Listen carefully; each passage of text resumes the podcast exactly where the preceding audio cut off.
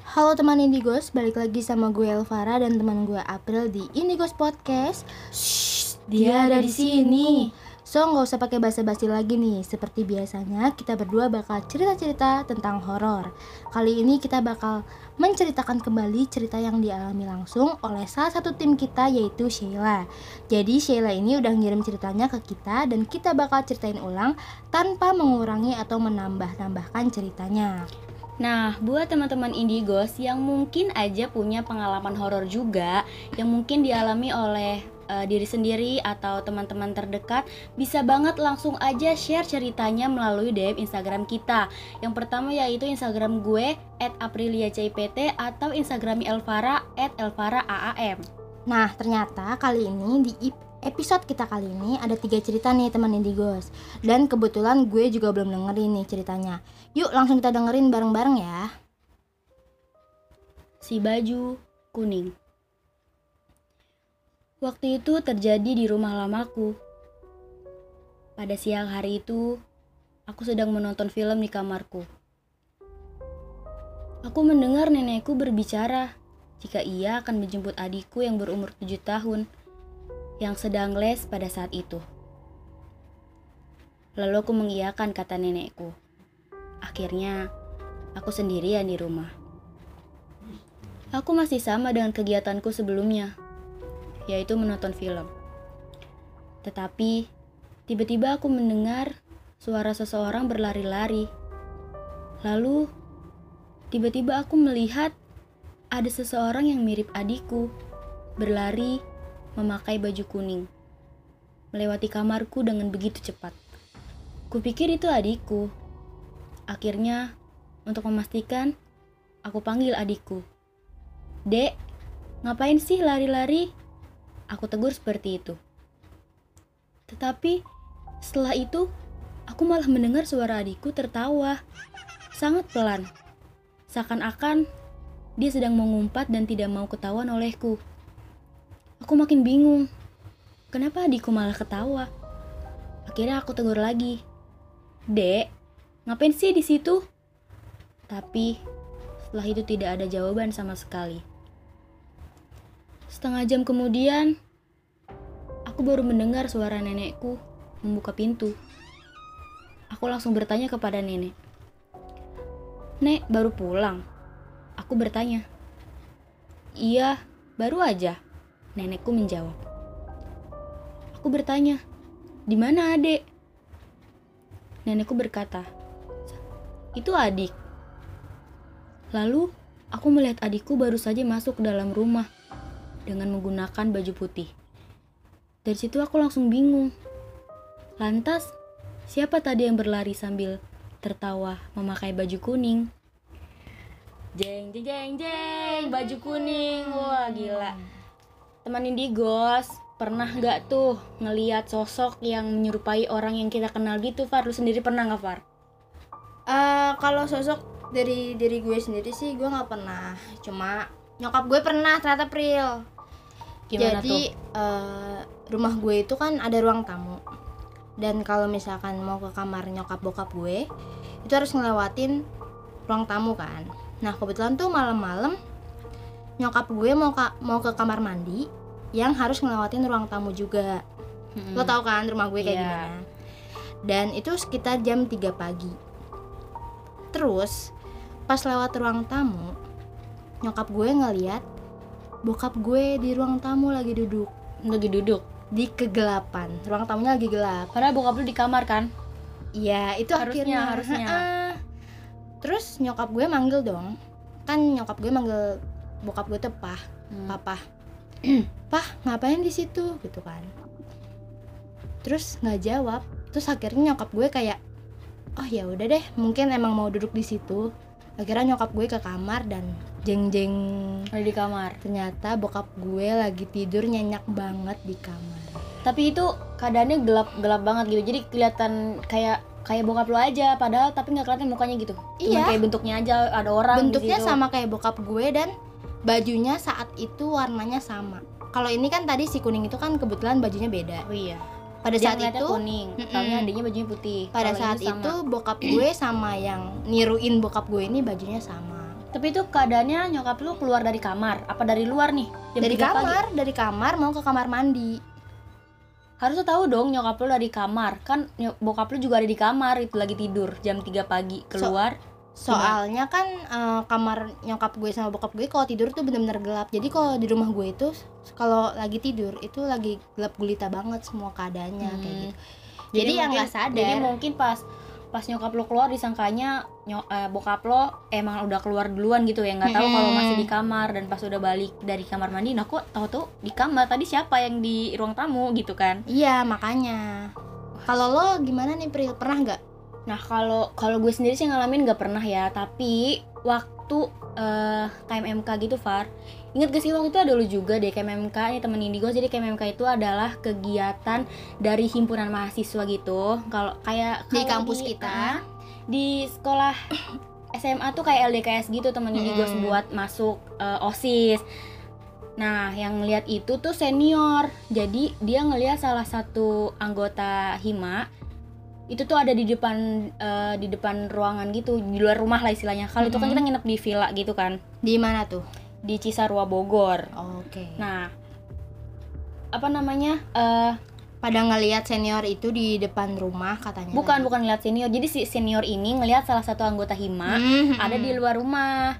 Nah, dia nyapa dong manggil namanya, tapi dia nggak nyaut, cuma nengok, senyum sama lambain tangan. oh sempet nengok Nengok bayangin. Ngelambain tangan juga Mukanya. tapi mukanya Iya. kelihatan mukanya iya, si itu Iya, tapi lewat dengan pucat gitu, lewat ngelambingin tangan. oh my god Terus udah dong, terus pas pas masuk, loh kok orang yang tadi di depan Ketemu tiba-tiba lagi. ada di dalam, gitu sih ceritanya. Nah temen Indigos, ngomong-ngomongin tentang KMMK nih atau LDKS, nah cerita selanjutnya kita kan mau cerita ini tentang LDKS juga nih, nginep-nginep gini, yang judulnya itu adik kelasku Indigo. Nah untuk ngomongin kayak gini nanti ada juga nih kejadian waktu KMMK yang eh, apa anak hima yang emang Indigo juga nih Far. Hmm, Langsung aja kita ke cerita selanjutnya. Judulnya Adik Kelasku Indigo. Aku mau bercerita pada saat aku bertemu dengan adik kelasku yang Indigo. Awal cerita, di sini aku masih kelas 2 SMA. Karena aku ketua suatu ekskul sekolah, sekolah mewajibkanku menjadi salah satu panitia LDKS untuk anak kelas 1. LDKS ini diadakan di suatu gunung, daerah Bogor. LDKS berjalan semestinya sampai pada hari kedua. Di sore hari, tiba-tiba salah satu peserta melaporkan kejadian ini padaku.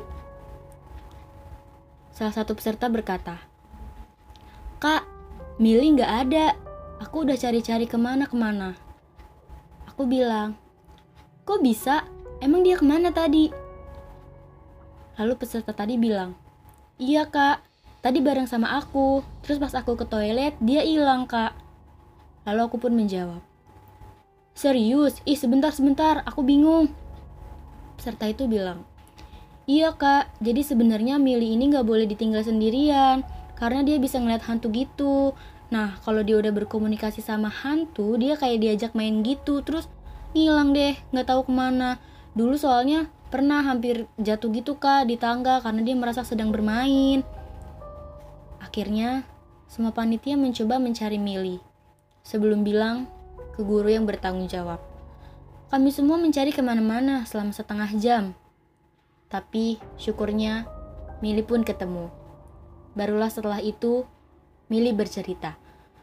Mili bercerita, ternyata dia ke toilet juga ketika temannya ke toilet. Tetapi setelah itu dia melihat banyak kuntilanak di daerah gunung itu. Dan lalu dia bertemu seorang anak kecil yang sedang diganggu satu sosok kuntilanak. Akhirnya, Mili mencoba berkomunikasi dengan anak itu agar dia tidak diganggu. Tapi malah dia yang diajak main oleh sosok anak kecil itu. Saking asiknya, kata Mili dia lupa dan tersadar ketika suara para panitia memanggilnya. Dan dia cepat-cepat menghampiri panitia. Setelah itu, semua panitia lebih hati-hati untuk menjaga keamanan Mili dan para peserta lainnya. Wah, Hmm. diajak main, Far, diajak main. banyak kuntilanak Oh, di di gunung tadi ya? Mm-mm. Aduh, merinding loh, sumpah. Aduh, tadi lo mau cerita kan tentang kejadian yang Nah, kayak MK iya, itu. ini sama banget nih. Jadi waktu eh, kayaknya waktu KMMK gue lupa ya Far lu tuh ada atau enggak. Soalnya kan ada KMMK dua kali tuh ya Far. Lu yang pertama ikut, yang kedua enggak Iya. kan. Nah, gue lupa nih. Ini ceritanya tuh yang pertama atau yang kedua.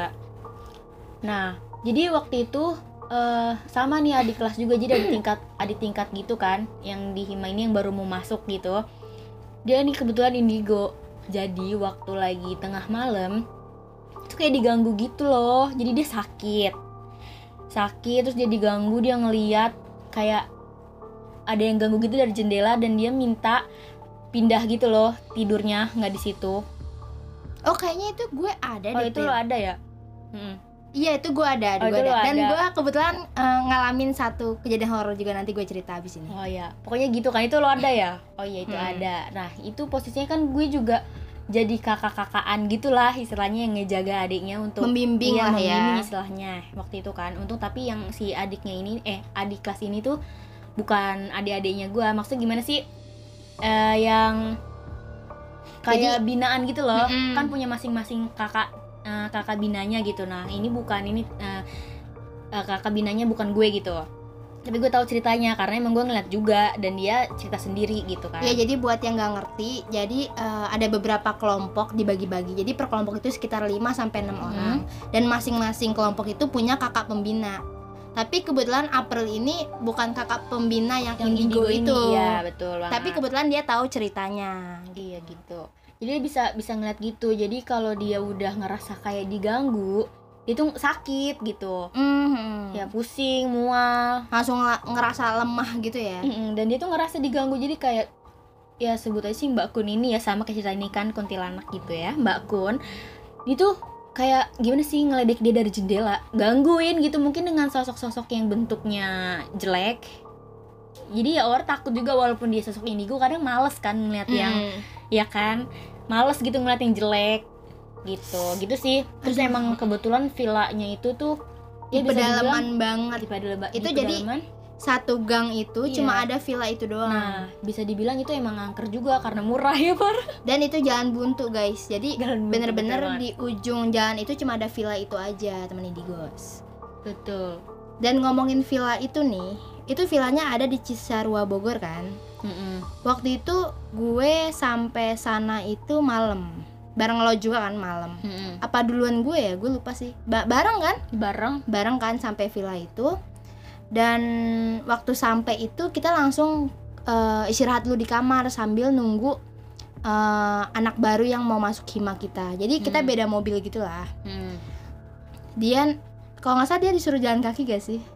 Oh, Aku iya. lupa sih. Iya, iya. ya kan nah habis itu sampai villa gue langsung istirahat sama temen-temen di kamar kayak langsung rebahan gitulah dan di belakang gue itu kebetulan jendela jendelanya itu kebuka Oh, ingat gak inget banget. jendela itu kebuka nggak ada hordeng hordengnya kayak di pinggirin gitu deh pokoknya pokoknya nggak ketutup jendelanya gue niatnya mau ngadem di situ biar ada angin-angin gitu dong di leher gue ya kan Hmm. pas gue lagi senderan gue ngadem tiba-tiba ada hawa panas lewat sekelibet gitu aja di Kayak leher disemprot gue hair dryer gitu.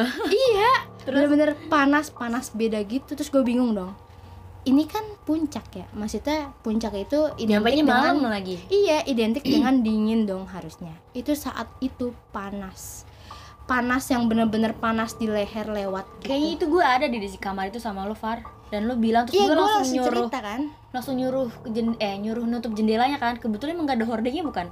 Iya nggak ada hordengnya kan, tapi heeh. katanya kebuka. Iya kebuka gitu langsung gua tutup gitu kacanya. Tapi hordengnya tetap nggak ada deh kayaknya waktu itu gue lupa Nah, juga. kalau nggak salah itu villa yang kita yang di kamar lo itu tempatin itu tempat di mana yang senior tadi ngeliat salah satu anggota hima mirip Astaga. di depannya itu jadi di depan ruangan pas masuk eh, orangnya ada di dalam Oh my god. Tapi emang eh, teman Indigos jadi eh, KMMK ini yang kayak LDKS ini eh, sistemnya itu kalau malam emang harus matiin semua lampu.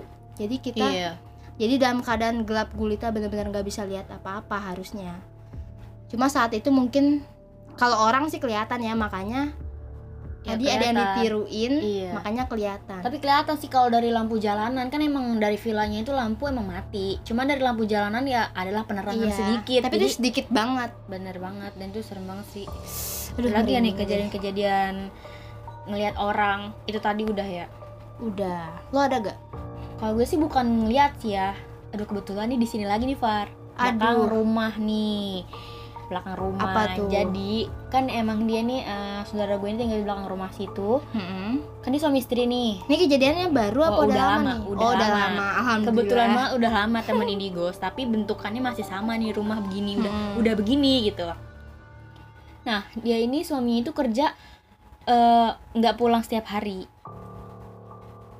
Nah dia tahu suaminya ini emang lagi nggak pulang nih malam ini. Oh gitu. Iya tapi ada yang ngetok ke rumah dia dan suaranya itu mirip suaminya.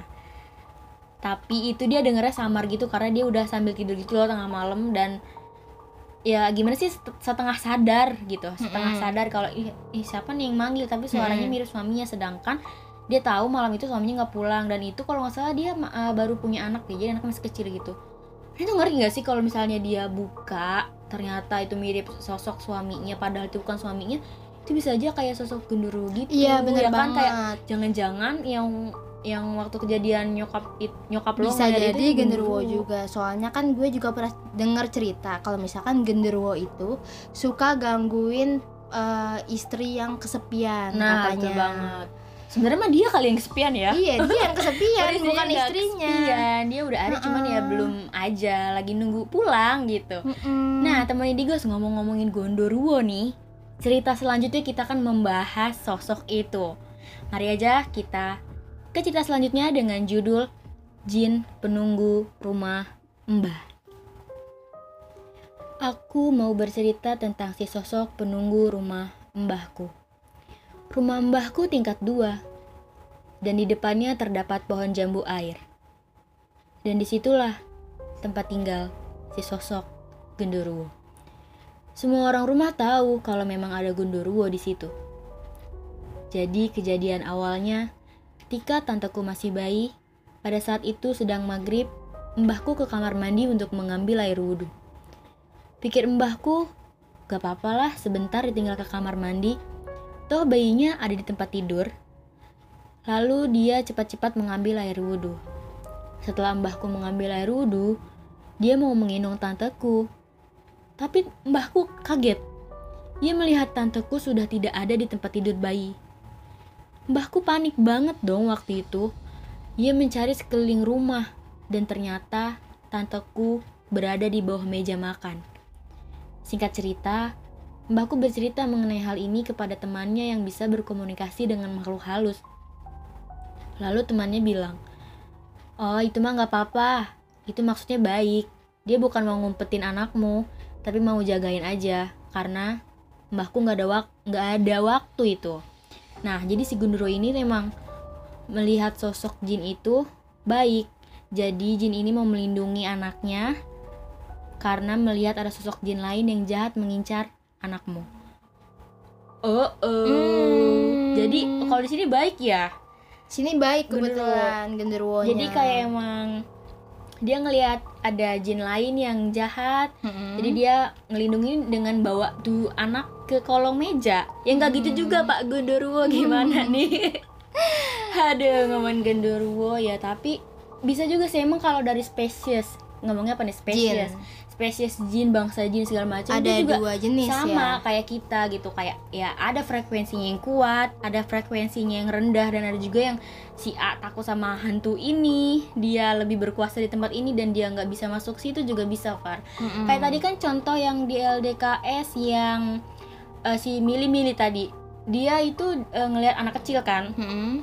lagi di kayak diusilin gitu sama si Mbak Kun Mm-mm. Nah makanya dia emang hampir anak kecil itu nanya supaya dia nggak diganggu sama si Mbak Akun itu, Hmm. tapi malah nyatanya dia diajak main sama anak kecil itu sampai lupa gitu kan. Mm-mm. Nah sama hal ini kayak kita juga manusia nih, ada kan takut sama orang, ada yang berkuasa di sini, ada yang ya sama aja sebangsa jin juga kayak gitu. Jadi nggak semua jin jahat, dan nggak semua jin itu dia baik, gitu. Apalagi nih ya ngomongin soal genderuwo kayaknya gue nggak ada sih cerita tentang genderuwo cuma ya tadi gue mungkin berprasangka kalau orang yang ngemiripin bokap gue itu genderuwo Emang iya, genderuwo doang. Menurut lu genderuwo doang? Ya, genderuwo doang. ya nggak tahu sih tapi katanya nih emang eh, di depan rumah gue itu kan tetangga nih ceritanya tetangga gue itu depan rumah gue ada pohon rambutan dan itu emang gede banget tinggi banget dan katanya dia pelihara Masih ada pohon Masih rambutannya? ada. katanya yang punya rumah itu emang pelihara jenis genderuwo Kok genderuwo bisa dipelihara? Hmm, kurang tahu deh. Entah pelihara genderuwo atau apa yang pasti nyokap gue itu pernah lihat sosok hitam gede gitu loh. Itu apa Hmm. tuh? Kalau bukan Iya, genderuwo. genderuwo sih. Bisa jadi kan? Sosoknya hitam soalnya kan. Hitam gede banget gitu kayak ya bukan kayak manusia normal gedenya. Tapi benar-benar cuma hitam doang warnanya gitu. Tapi nih ya menurut pengetahuan gue kayak jin dan sebangsanya gitu kayak misalnya kayak lo ngeliat sosok orang yang udah meninggal gitu kan dia eh, hidup lagi bukan hidup lagi sih misalnya kayak nongolin gitu minta tolong segala macam itu sebenarnya bukan bukan dianya gitu. Ngerti nggak? Bukan dianya itu adalah sosok jin yang emang menyerupai dia. Jadi kayak misalnya eh, ada nih orang kesurupan. Terus Mm-mm. ditanya kamu dulunya mati kenapa? gitu. Aku dulu matinya gini gini gini. Sebenarnya itu bukan dia yang ngomong itulah jin yang bisa menyerupai dia yang masuk ke badannya dia jadi kan karena jin emang mengelilingi dunia sama kayak kita nih Hmm. jadi dia bisa mereka ulang bisa ngeliat kejadian-kejadian apa aja. Jadi ketika ada suatu kecelakaan atau apa ya dia bisa mereka ulang kejadian itu dan dia bisa seakan-akan bisa jadi kayak orang itu gitu Oh gitu. jadi sebenarnya bukan bukan bukan dianya atau yang ada yang bilang kayak jin korin jin Oh. korin ya kan ada yang bilang kan kalau misalnya ada yang ngelihat eh, sosok yang orang udah meninggal tuh jin korinnya bisa juga jin korinnya tapi kita nggak bisa juga ngebedain dia itu jin korinnya yang orang udah meninggal beneran atau jin yang emang mereka ulang ke, eh, apa keadaan kejadian yang ada di situ gitu Tapi jin korin itu apa sih, Pril? Kalau buat teman-teman Indigos mungkin ada yang nggak Oke, tahu. jin korin itu ya sepengetahuan gue nih, Far. Jadi emang eh, kita dari lahir itu, gue juga nggak tahu nih kayak ini tuh nggak tahu di ajaran agama lain ada atau enggak. Mm-mm. Kalau ada ajaran ajaran agama Islam itu jin korin itu nggak tahu juga ya eh, kalau salah mohon dikoreksi itu dari lahir atau eh maksudnya dari janin atau dari lahir. Jadi pokoknya ketika kita ada di dunia ini kita tuh mempunyai satu jin yang ke mana-mana sama kita gitu. Oh gitu. Jadi istilahnya ada pendamping lah. pendamping iya yang menyerupai kita. Makanya kadang kalau di rumah nih ya bisa juga nih kejadian yang nyokap lo itu ngelihat eh, bokap lo ada di ruang tamu bisa Berarti itu juga pendamping siapa tuh? itu pendamping bokap lo Oh. jin korin bokap lo gitu bisa juga tapi kalau kita mau sisi negatifnya itu kayak ya sosok yang si bapak gundurwo Gundurwo ini, yang ini. jahat mau jahilin nyokap lo mungkin Oh, waktu gitu. itu gitu bisa juga nah tentang tentang sosok jin nih apa nih yang lo tahu nih Apa ya? Gue kayak kurang tahu sih tentang jin-jin gitu. Tapi yang gue tahu itu jin itu pasti kadang menyerupai eh, manusia gitu doang sih yang gue tahu. bisa juga dia menyerupai hewan Far Oh hewan juga bisa. Bisa. Kayak leak dong yang kemarin kita omongin. tapi kalau yang kemarin itu lebih kayak bukan hewan eh bisa kayak hewan ya bisa kayak babi Eh, bisa main anjing, bisa, babi, bisa iya jadi gitu bisa kan. makanya kadang suka nggak sih ngeliat eh, suka tuh yang di eh, sosmed-sosmed CCTV CCTV melihat sosok kucing tiba-tiba hilang lagi lewat tiba-tiba hilang Bisa jadi tuh jin. bisa jadi jin Oh gitu. menyerupai kucing gitu nah setahu gue juga nih gue punya teman yang bisa indigo gitu jadi emang jin itu kan bisa merubah bentuknya dia mau jadi apa ya suka-suka dia Mm-mm. dia mau jadi bambu juga bisa Mm-mm. gitu kan nah jadi eh, kalau misalnya si hantu ini mau apa namanya mau nampakin diri Mm-mm. Nah temen gue yang indigo ini tuh eh, nggak mau kalau mukanya dia tuh lagi jelek. Jadi si jin ini harus berubah dulu jadi muka ya manusia biasa, baru Lah. mau diajak ngomong gitu, berinteraksi dengan makhluk gitu kan. Nah, setahu pengetahuan gue juga dari TikTok nih teman Indigos, mungkin ada yang nge-follow nama insta eh nama Instagram nama akun TikToknya itu Hussein. Lu tahu gak Enggak, kebetulan kan gue nggak main TikTok. kayak namanya Hussein siapa? Gue lupa. Pokoknya Hussein cari aja pasti ada. Dia tuh emang uh, main TikTok tapi kontennya itu tentang dakwah. Nggak dakwah juga sih dia juga ada kayak ngedabing lagu-lagu gitu. Hmm. tapi lebih ke ngomong tentang Islam karena Islam gitu. Nah waktu itu jadi ada yang nanya Far gimana sih uh, pandangan lo gitu pandangan kamu terhadap orang yang indigo gitu kan Mm-mm. dia jawab orang yang indigo itu sebenarnya bukan bisa melihat sosok jin Mm-mm. bukan bisa menjadi kayak Tapi- misalnya dia ngelihat jin nih misalnya dia Mm-mm. ngeliat kuntilanak itu belum tentu kuntilanak itu Bis- bisa aja pocong lagi berwujud kuntilanak Oh gitu loh gitu. iya jadi makanya kayak eh gue bisa lihat hantu ya bisa lihat tapi bukan bisa ngeliat sosok aslinya dia gitu dia nggak tahu sosok aslinya itu bentuknya gimana karena jin itu bisa berubah-ubah jadi apa yang dia lihat itu ya emang sosok yang emang pengen diliatin ke dia Oh. Ngerti nggak maksud kata-kata Iya, gue ngerti, nih? ngerti, ngerti. ya kan jadi dia bisa ngelihat itu bukan bisa melihat bentuk sosok jin tapi yang apa yang dia lihat adalah Apa yang Apa yang diinginkan pengen- jin itu iya. untuk berubah. nah kayak gitu teman Hmm, indigo hmm.